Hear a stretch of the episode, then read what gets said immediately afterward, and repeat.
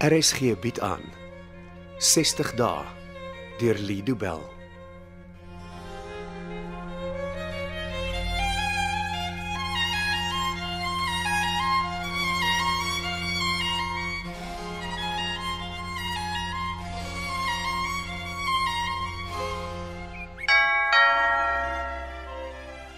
Ek's nou daar. Kom binne asseblief. Dankie. Ek het my kar voor jou garage parkeer. Ek hoop dit is reg. Ja ja ja, ja, hier kom maar enige plek parkeer dit my kleinkinders hou nie daarvan as ek kar bestuur nie. Hulle sê ek kan nie meer so goed sien nie. Hulle is seker maar net bekommerd dat jy nie in 'n ongeluk betrokke raak nie. Ek het gedink ons kan sommer hier in die kombuis sit en gesels. Ja, is goed so. Ek het 'n bietjie van daai drup koffie gemaak. So daar is koffie as jy wil hê. Ja, dankie. Dit sal lekker wees. Kan ek vir meneer help met die koffie? Nee nee nee nee nee, ek is reg. Hier is melk en suiker as jy wil gebruik. Ek hou van koffie swart en soos hy kom. Dankie meneer. Ja ja, ek drink myne ook so. Hoorie, sê vir my Meiburg. Dis hoe almal my noem. Ek dog Meiburg is jou van. Dis reg, ja, Koert Meiburg. Mm. Maar op skool was daar 'n ander Koert en toe word ek maar net Meiburg. Goed dan Meiburg. Mag ons praat oor hoekom ek vanoggend vir koffie uitgenooi is? Ek wou vir jou die opname wys van die ongeluk. Jy wou. Moenie vir my sê jy het dit uitgewis nie. Nee nee nee, ek glo dis nog daar. Maar ek kan dit nie opspoor nie. Dis beelde wat deur jou sekuriteitskameras geneem is, so. Wat bedoel jy jy kan dit nie opspoor nie? Ek kry dit nie op die rekenaar nie. En jy is seker jy het dit nie uitgevee nie. Ja. Nie eens Nee, per ongeluk nie. maar My kleinseun sê dat as iets eers op 'n rekenaar is, dan is dit vir ewig daar. Mm, Dit het ek al ook gehoor. Ek weet as iets eers op die internet is, dit kan tot die einde van daardie deur almal gesien word. Ah, ja. En Mense is maar onverskillig op die internet, né? Nee. Maar Meiburg, hoekom het jy my laat kom as jy nie die opname kan kry nie? Toe ek gister gebel het, het ek hom nog gehad. Eers vanoggend toe ek vir jou sit te wag, besef ek die ding het verdwyn. Het jy die opname gekyk voor dit verdwyn het? Hele paar keer. Ek wou seker maak dat ek nie iets gemis het nie. Dit moet ons maar liewers vir die polisie los. Jy sal vir hulle vertel van die opname? As ek dit eers by jou gekry het, sal ek dit vir dokter Silje se prokureur gee. Hy sal besluit wat om daarmee te doen. Al wat ek weet is dat die kameras bewys dat sy nie bestuur het nie. Hoekom het jy nie vir die polisie vertel dat daar 'n man in jou opname was nie? Wel, ek het hom eers gesien toe ek die volgende oggend na die ding kyk. Ek wou sien of die ongeluk deur my kameras vasgevang is. Kan 'n mens die ongeluk sien in jou opname? Ja? Ek het 'n bietjie meer detail nodig is dit. Ja, jy kan sien hoe die kar aan die verkeerde kant van die straat ry en dan tref hulle die dame op die fiets.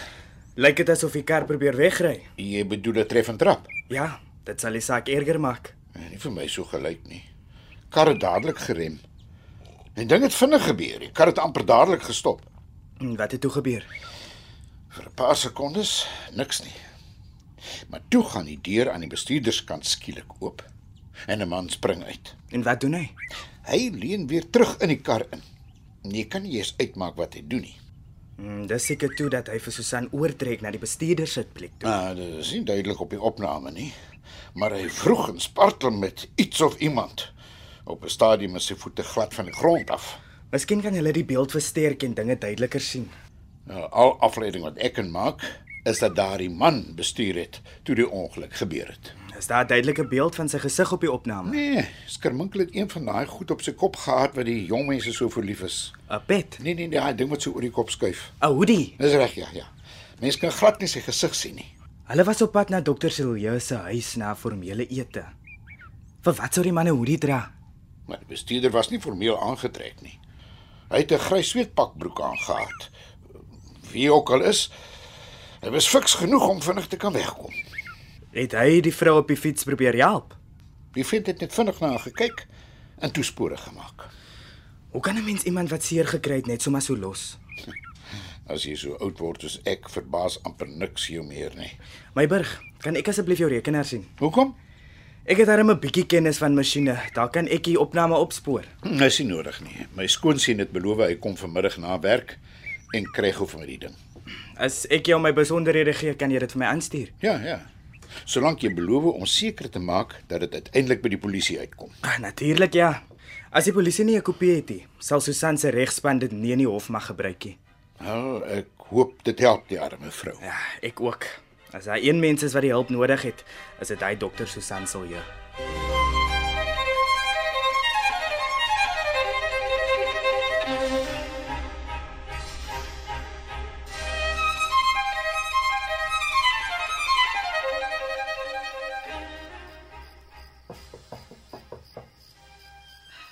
Ja, Hi, mag ek maar inkom? Lauren, dis laat. Hulle hou nie daarvan as ons in die nag rondloop nie. Maar jy weet, dis hoekom ek daarvan hou om in die gange rond te sluip in die nag. Jy sal maak dit ons in die moeilikheid beland. 'n Hele klomp verslaafdes woon saam hier in die plek en hulle verwag dat ons osself moet gedra. Waar het jy geleer om so rebels te wees? So, dis nie iets wat jy kan leer, nie, Susan. 'n Rebel word gebore, word nie gemaak nie. Dis nie iets om oor trots te wees nie. Ag, dit is wat dit is. Kan ek langs jou op die bed kom sit? Ja, as jy moet. Ek moet. Kan jy nie probeer om by die reëls te hou nie? Okay, wel, nou gaan jy eers kwaad wees vir my. Hoekom? Ek het vir ons verbode goed gebring om te geniet. Lauren, Ag man, is okay, Susan, jy sal dit lyk. Like. ek is by hierdie plek oor ek blykbaar 'n probleem het met alkohol. Ek gebruik glad nie dwelms nie. Ek kan nie dwelms in my kamer inbring. Maar dis nie sommer enige dwelms dien nie. Ek gee nie om oor die kwaliteit nie. Dwelms is verbode. Jy sal bly wees as jy sien wat ek gebring het. Wat dit ook al is, ek soek dit nie in my kamer nie. Dit is die heel beste drag in die wêreld. Ek gee nie om nie, Lauren. Ek stel nie belang nie. Ek weet jy sal daarvan hou. Lauren, Probeer net so 'n klein bietjie, 'n klein bietjie sal jy seë maakie. Ja, dis hoe dit altyd begin. Vat net 'n happie Dr. Loo sal jy weet. nie. Sjokolade. Liewe aardelyn.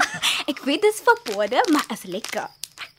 Moet by magte hoor hoekom ons nie sjokolade in ons kamers mag hê nie. Ja, ons mag net water in ons kamers hê, niks om te eet of te drink nie. Hoekom het jy besluit om in die middel van die nag vir my sjokolade te kom voer? Ek het gedink jy sal dit dalk nodig hê na daai drugs wat Dr. Loos vir jou gevoer het. Dit kan net soveel help en dan het 'n vrou chocolates nodig.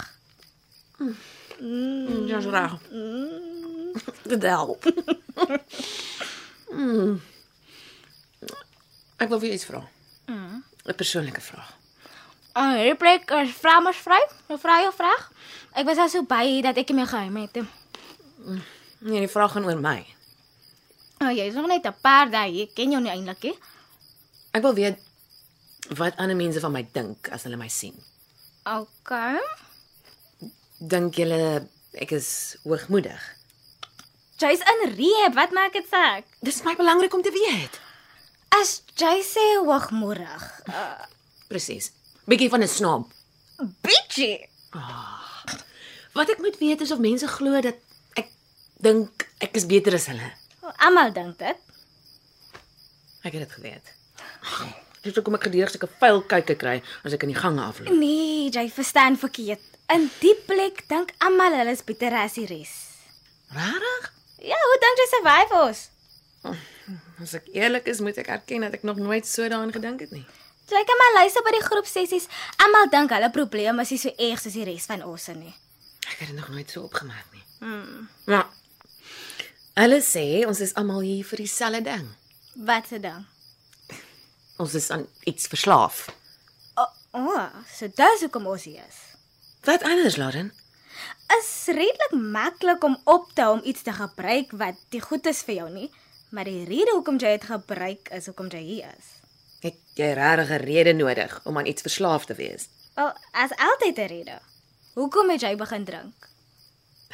Nou, ek, ek moes te veel van my man se partytjies bywoon. Prokureurs moet mos al ewig kliënte onthaal. So as jou man nie almal moes wine en dine nie, sou jy nooit begin drink het nie. Ek weet nie. Miskien is dit te laat in die nag vir hierdie gesprek. Daar sal nog 'n hele klomp nagte en 'n hele klomp gesprekke soos die wies voor jy ons land word. Ek wil jou guns vra, as ek mag. OK. As ek ooit hoogmoedig is, enige plek of tyd. Mm. Sal jy vir my sê? As ek kan sal ek. Dankie. Maar hoekom is dit so so, so belangrik vir jou? Daar gaan 'n verhoor wees. En na al die getuienis gelewer is en die prokureurs almal hulle sê gehad het, gaan daar 'n vonnis opgelê word. Daar's 'n kans dat hulle jou onskuldig kan bevind. Daar's 'n kans kans. nie. Wel, dink jy regtig jy sal moet sit? Ja, En wat van jou man as hy nie prokureer nie? wat help dit? Wel, hy sal alles doen om jou uit die tronk uit te hou. Ek dink hy sien uit na die dag wat die hekke agter my sluit.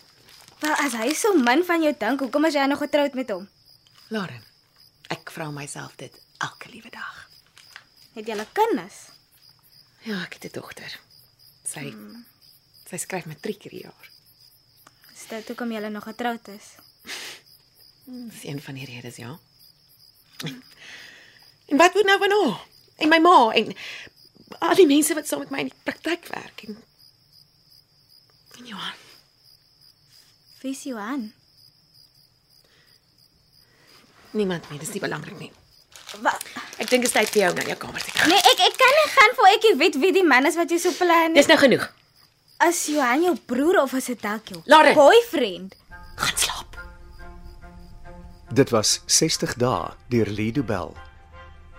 Die spelers is Frida van den Heever as Susan, Stean Pam as Karl, Renay Klute as Tanya, Charlton George as Richard, Chloe van Rooyen as Lauren, Cole Wessels as Dennis, Ronel Geldenhuys as Magda, Eugenie Wiggins as Betty, Relien Daniel as Essie, Johan Nel as Meiburg, Adrian Havenga as Johan en Hannah Bothwick as Isel.